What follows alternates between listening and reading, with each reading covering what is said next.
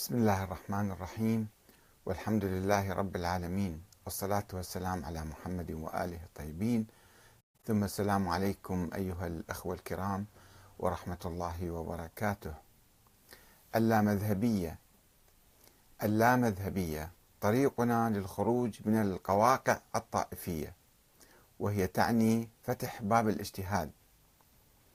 اللامذهبية تعني التحرر من الطوائف ومن يقف وراءها من الحكام والأنظمة السياسية والمؤسسات الدينية المهيمنة وشيوخ الطوائف.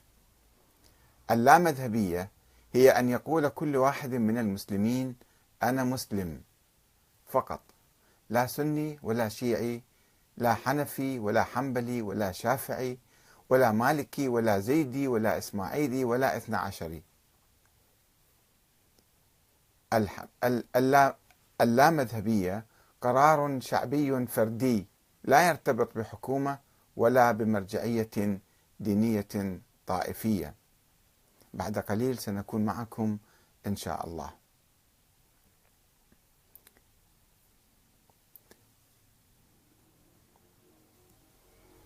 اللامذهبية. طريقنا للتحرر من القواقع الطائفية.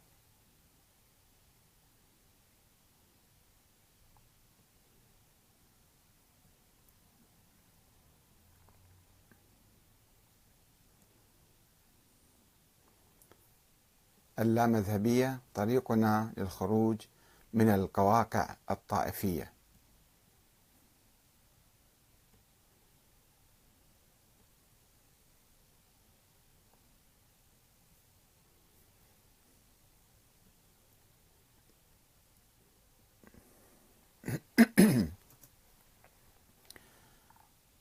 اللامذهبية طريقنا للخروج من القواقع الطائفية. ومن الخنادق الطائفية.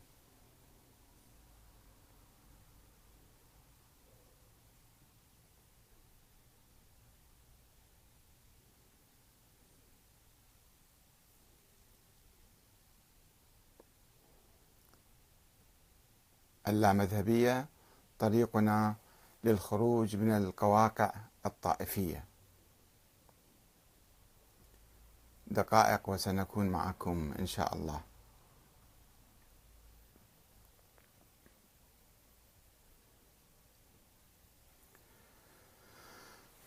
اللامذهبية طريقنا للخروج من القواقع الطائفية وهي تعني فتح باب الاجتهاد لجميع الناس.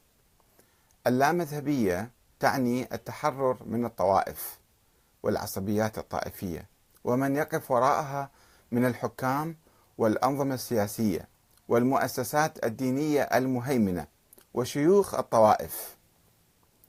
اللامذهبية هي أن يقول كل واحد من المسلمين أنا مسلم فقط. لا سني ولا شيعي ولا حنفي ولا حنبلي ولا شافعي ولا مالكي ولا زيدي ولا إسماعيلي ولا إثنى عشري. وهو قرار شعبي فردي لا يرتبط بحكومة ولا بمرجعية دينية طائفية. مضى على مشروع الحوار بين المذاهب. عقود طويلة عقدت خلالها الكثير من المؤتمرات والندوات وألف الكثير من الكتب ولا تزال الطوائف على حالها. إن لم تتكرس الطائفية بصورة أسوأ من ذي قبل حيث نرى بين فترة وأخرى بعض المشايخ من هذه الطائفة وهم يشنون حملات إعلامية ضد الطائفة الأخرى ويعيدون الأمور إلى نقطة الصفر. وكأنهم لم يتحاوروا ولم يحلوا أي مشكلة. ورغم الاجتماعات المتكررة بين شيوخ الطوائف إلا أننا لم نسمع منهم أي بيان مشترك يضع يضع النقاط على الحروف ويقدم ويقدم تصورا فكريا وفقهيا وسياسيا موحدا يقضي على المشاكل الطائفية العالقة ويوحد المسلمين حقيقة في بوتقة واحدة. ويبدو أنه لا ينبغي أن نتوقع ذلك منهم من المشايخ والسياسيين في الأمد القريب وحتى البعيد لأن معظم المشايخ يرتبطون بدول وحكومات لها هويات طائفية وتستخدم الفكر الطائفي في تعبئة شعوبها وتكريس سلطتها على الناس أو يعاني كثير منهم من مشكلة التقليد الأعمى والتبعية للعواطف الجماهيرية المتخلفة.